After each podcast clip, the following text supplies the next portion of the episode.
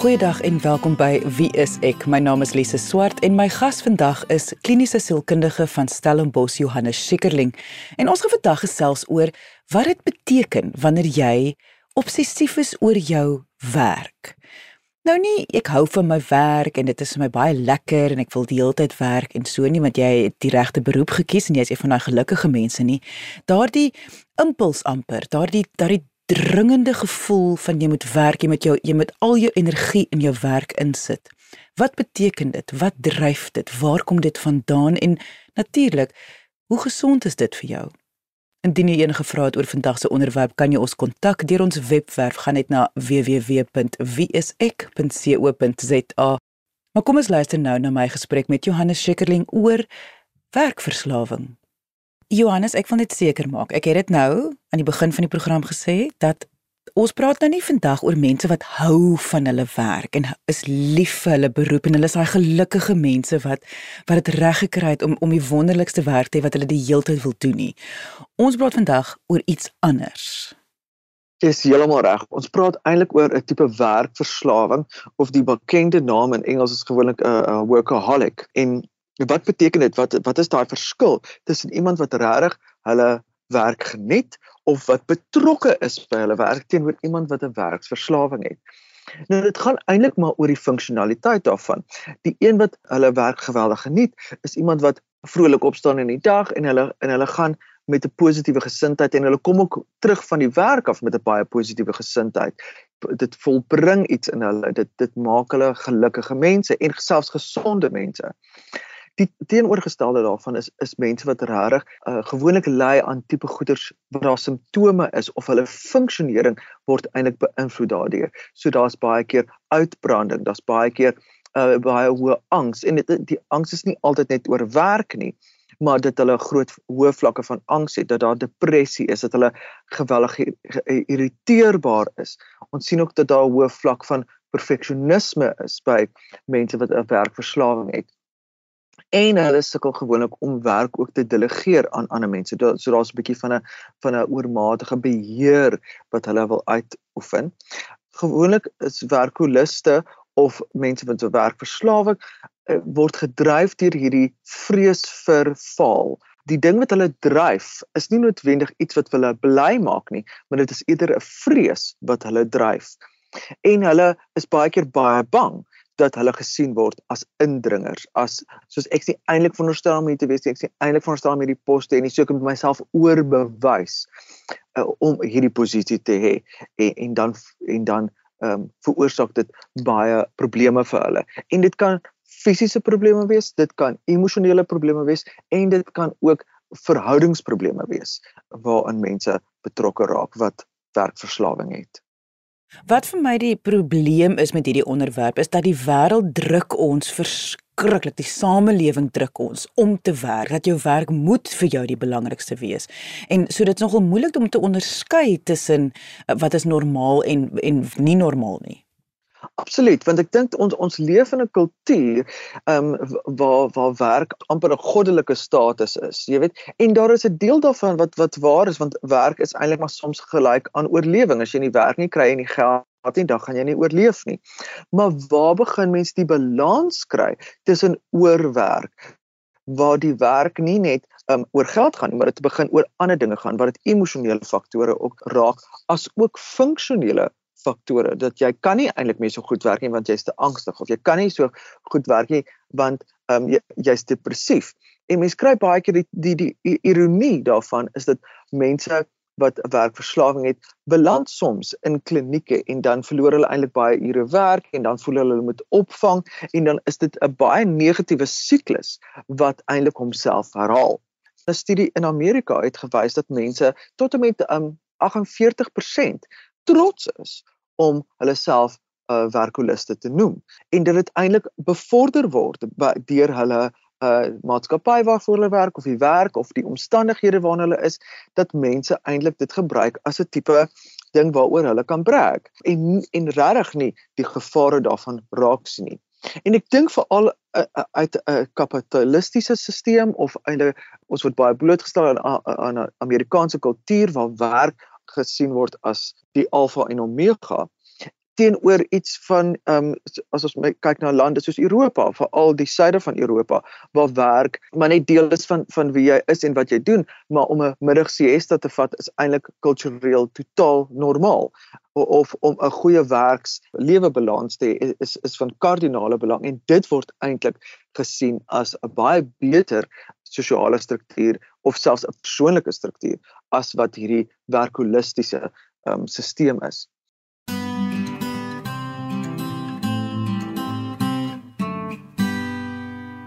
Johannes, wat sal die rede wees hoekom mense so uh, verslaaf kan raak aan messe werk?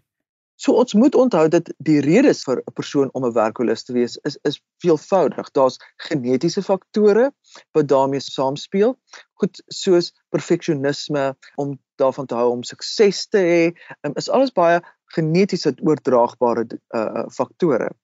Ons moet ook kyk na omgewingsfaktore. Veral as ons kyk na kinders, wat is die goeders wat die omgewing vir kinders sê? Jy weet, hoe goed moet jy presteer? Wat is goed genoeg? En, en die terugvoer wat die omgewing vir jou gee. Ons moet ook kyk na goeders soos lae selfbeeld en 'n uh, oorkompensasie daarvoor dat baie mense stort hulle self in hulle werk en om hulle self te kan bewys of om eintlik hulle lae selfbeeld weg te steek of om te bewys dat ek hoef nie so lae selfbeeld te hê nie. En, en en soms gaan dit oor net die status van hoeveel ure ek werk, maar dit gaan soms ook oor die hoeveelheid geld wat ek verdien. En dan is daar natuurlik sosiale en kulturele modellering. Met ander woorde, wat leer ons van ons sosiale omgewing? Wat leer ons van ons kultureel? En soos wat ons sê, die Noord-Amerikaanse kultuur is een van jy moet lang ure insit, jy moet baie hard werk en, en dit word dan gesien as eerbaar of 'n goeie persoon en en veral daarmee saam ook dat ehm um, die hele tyd hierdie posisie wat jy beklee is jy is jy net 'n werker? Is jy 'n manager? Is jy 'n CEO word baie belangrik in daai tipe kultuur. daarmee saam moet mens ook kyk na faktore soos ouers en en die en die uh, effek wat ouers op op op 'n persoon het. Baie keer kry jy ouers wat baie hoë eise aan hulle kinders stel, nie net as as as hulle uh, uh, jonger is as tieners of as of as 'n kleuters nie, maar selfs ook na skool. Jy weet jy moet 'n dokter word en en as jy 'n dokter is dan moet jy 'n spesialis word. Hierdie druk om altyd te kan presteer en die beste te wees. En dan kyk ons soms ook na tipes hegting, so iemand wat 'n um, 'n uh, hegtingstyl het wat baie onseker is of wat nie vir hulle stabiel is nie, kan mens sien kompenseer soms met die verhouding met hulle werk of kompenseer om 'n beter um, hegting te hê en en dan kan die werk baie keer vir hulle 'n tipe meer stabiele hegting vir hulle skep of hulle dink dat werk vir hulle hierdie tipe hegting kan gee. Ons moet ook kyk na uh, omgewingsstressore veral in in in um, as kind so as as kinders baie arm groot geword het dat hulle dan oorkompenseer jy weet dit sal alles doen hulle sal oorwerk om net finansiële sekerheid te kry. En dan 'n baie belangrike faktor is natuurlik mense wat uh, baie bang is vir verhoudings wat eintlik um, in vermyding ingaan. Nie net rakende verhoudings nie, maar vermyding as geheel. Jy weet hulle hulle vermy kontak met ander mense, hulle ver, vermy verhoudings, hulle vermy gevoelens waarmee hulle onseker is en die werk is eintlik 'n veilige spasie vir hulle waarin waarby hulle dan wegkruip om die res van die samelewing eintlik te ignoreer. En dan ook verslawingsfaktor. En wat bedoel ons daarmee? Dit ons bedoel eintlik dat daar 'n neurobiologiese stelsel aan die gang is waar hulle beloning kry vir die harde werk wat hulle doen of dat dit daai daai tipe high is wat hulle kry. Hulle kry baie goeie gevoelens of dat dit hulle hulle gemoed verander. Dit maak hulle baie bly vir 'n kort rukkie, maar hulle moet al hoe harder werk om nog steeds daai selfe tipe high te kry. So dit is die neurologiese of 'n dopamienstelsel wat ook 'n rol kan speel. So dit is al die faktore wat eintlik deel uitmaak van hoe ons 'n werkverslawing verstaan. Jy luister na Wie is ek op RSG. Omdat dit so moeilik is om te identifiseer omdat die samelewing ons juis so druk in hierdie hoek in om om wel eintlik so te wees. En jy het nou voorbeelde genoem van verskillende plekke in die wêreld. Maar volgens die die menslike wetenskap, wat is 'n goeie balans wanneer dit kom by jou beroep? Want jou beroep is belangrik. Ons weet dit. Ek wil amper vir my verbeel dat was dit nie Freud of iemand wat gesê het jou beroep is geweldig belangrik. Ja ja ja, 'n beroep is geweldig belangrik want want dit is deel van ons as as mens. Dit dit dis dis hoe ons aan mekaar gesit het en dit en dit gaan eintlik oor oorlewingsdrang, jy weet. As mens kyk, as jy met die koi san praat, wat was hulle werk? Hulle werk was om 'n bok te skiet en en en en, en sade en en en en kos bymekaar te maak. Dit was hulle werk. En sonder hulle werk dan sou hulle nie oorleef het nie. So werk is baie keer gelyk aan oorlewing. So waar raak dit 'n probleem? of wat is eintlik gesond daarvan? As mens sê nou maar kyk weer na die khoisan, sou mens sê om 'n bok te skiet en, en en dit dan te gebruik eh, en al die dele daarvan te gebruik en dan te rus. Maar ons weet die westerse stelsel en die kapitalistiese stelsel is nie ons skiet een bok, almal eet daarvan en ons gebruik alles daarvan en ons beweeg aan of ons gaan aan nie. Dit is ons skiet soveel bokke as moontlik. Ons maak alles bymekaar. Ons gooi 'n spul daarvan weg. Um, ons gebruik nie eens helfte daarvan nie van dit verrot, dit word gemors en dit is wanneer dit oordadig word. So wanneer mense soveel in hulle werk insit om te kompenseer vir meer as wat hulle eintlik nodig het as gevolg van verskillende vrese of, of wat ook al soos wat ons al die lys opgenoem het vir die redes hoekom maar dit gaan eintlik daaroor dat iemand werk gebruik of misbruik om een of ander ander faktor van hulle self te reguleer of uh, ontspanne te maak of nie aan da daaraan te werk nie. So dit is baie belangrik dat dit mens presies weet waar is die grense vir werk en waar is die grense vir persoonlike ontwikkeling en hoe die twee soms bymekaar kan inpas en waar dit nie bymekaar inpas nie. En hier moet ons veral kyk na funksionering. Het jy goeie verhoudings? Kan jy vriendskappe aan die gang hou? Kan jy ook vriendskappe hê buite die werk?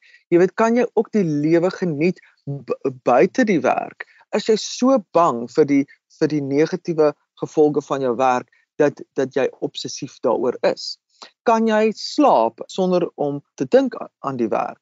Kan jy 'n um, naweek spandeer uh, net om lekker self-care te doen of saam met goeie vriende en familie? As die werk dan bel het jy gesonde grense daarvoor om dit te kan hanteer En ons weet daar is sekere werke wat wat druktye het.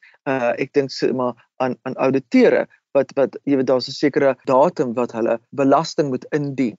En, en dan is dit baie druk by die werk. En mense verstaan dit in daai konteks, maar dan uh, is daar weer ander tye wat baie rustig is wat hulle regtig dan weer kan vakansie neem. So dit gaan eintlik maar rondom 'n persoon self en dat jy goeie grense het daarvoor. Johannes, alles wat jy nou vertel, het my laat besef daar is mos nou die gewilde woord wat almal gebruik en dit is heeltemal gepas en dit is uitbranding. Maar wat min mense besef is uitbranding het eintlik net te doen met werk. Dit het nie te doen eintlik met familielewe en ander deel van jou lewe nie. Uitbranding is 'n term wat uit jou werksomgewing kom. Dis waar dit ontstaan het en dit is waar waar dit die grootste rol speel. Nou, die probleem wat ek het is ek het baie probleme vandag, ekskuus. Maar die probleem wat ek het is dat mense gebruik graag die woord uitbranding. Soveel sodat ek dink mense wat wel verslaaf is aan hulle werk agter die woord kan skuil. En dit maak dit nogal vir my uh, baie erg want dit voel vir my uitbranding is die laaste stap wat mens kan nog moontlik neem wat uh, syne en alarms afgaan voor jy nou regtig iets moet doen. As jy by uitbranding is, is dit amper te laat jy's heeltemal reg dat uitbranding is eintlik 'n mens se stelsel wat eintlik sê ons is al klaar in die rooi. Daar daar is eintlik niks meer in die battery oor nie. Jy moet stop.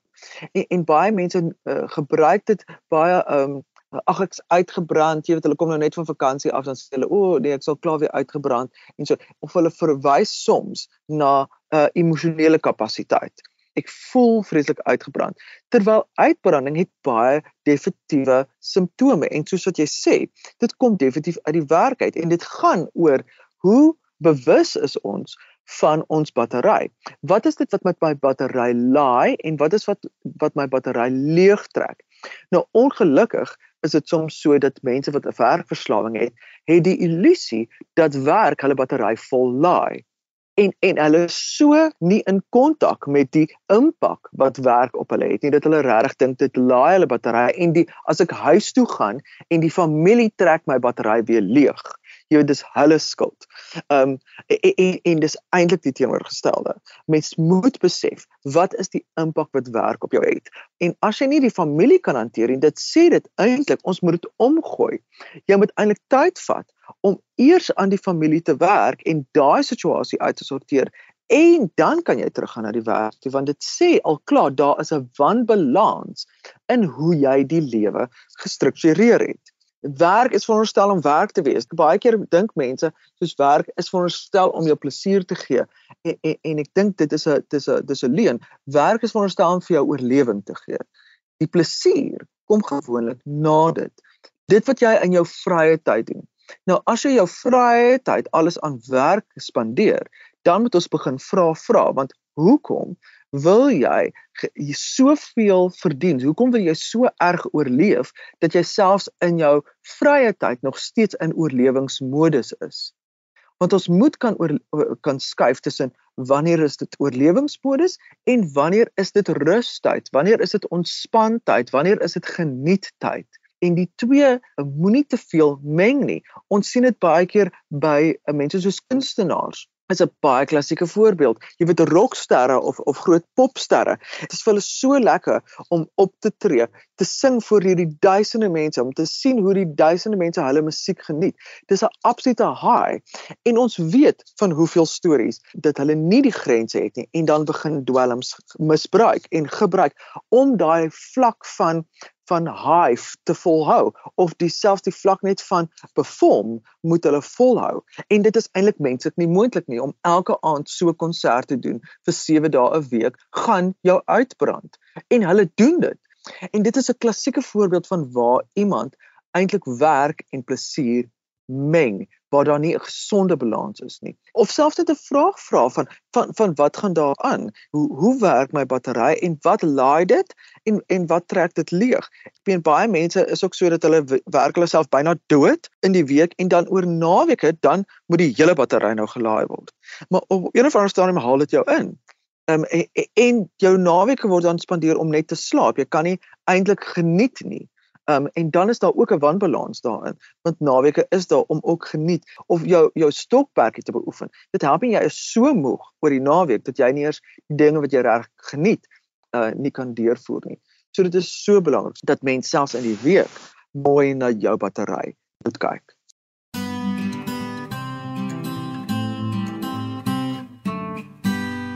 Mens dink om verslaaf te wees aan iets of afhanklik te wees van iets is lekker. Dis positief want dit is mos nou iets wat vir jou lekker is. Maar ek dink min mense besef hoe angstig mense raak en hoe negatief dit is. En ek dink selfs die afhanklike vergeet of is nie altyd bewus dat hierdie swaar negatiewe ding wat die hele tyd hier op jou skouers rus, dis nie goed nie en is nie reg nie niemand raak verslaaf aan 'n ding wat nie vir hulle werk nie. So so so so 'n werkolus glo regtig dat dat dit werk vir my en baie keer glo hulle ook goeie soos as dit nie goed gaan nie is om is om dit nie hard genoeg werk nie. Jy weet, baie mense het hierdie illusie dat as ek genoeg geld het, sal al my probleme weggaan. En en dis ook met werkoliste. Hulle is bietjie uh, hulle is amper soos soos dobbelaars, jy weet. Dit gaan oor o, maar as ek genoeg geld het, dan kon, kan ek vir julle kom kuier. So ek moet nou eers baie hard werk en dan kan ek vir die familie gaan kuier. Maar ons weet dit is alleen want die persoon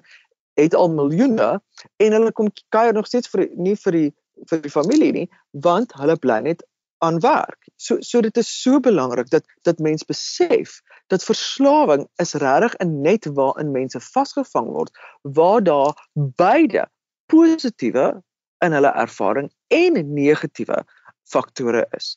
Maar enigiemand wat verslaaf is, klou vas aan die positiewe en vergeet graag die negatiewe. So dit is baie belangrik dat enigiemand wat verslaaf is, het 'n sterk omgewing om hulle nodig om hulle bewus te maak en bewus te hou van die wanbalans wat daar is en dat hulle die skade voel van hulle keuses en die skade voel van hulle verslawing.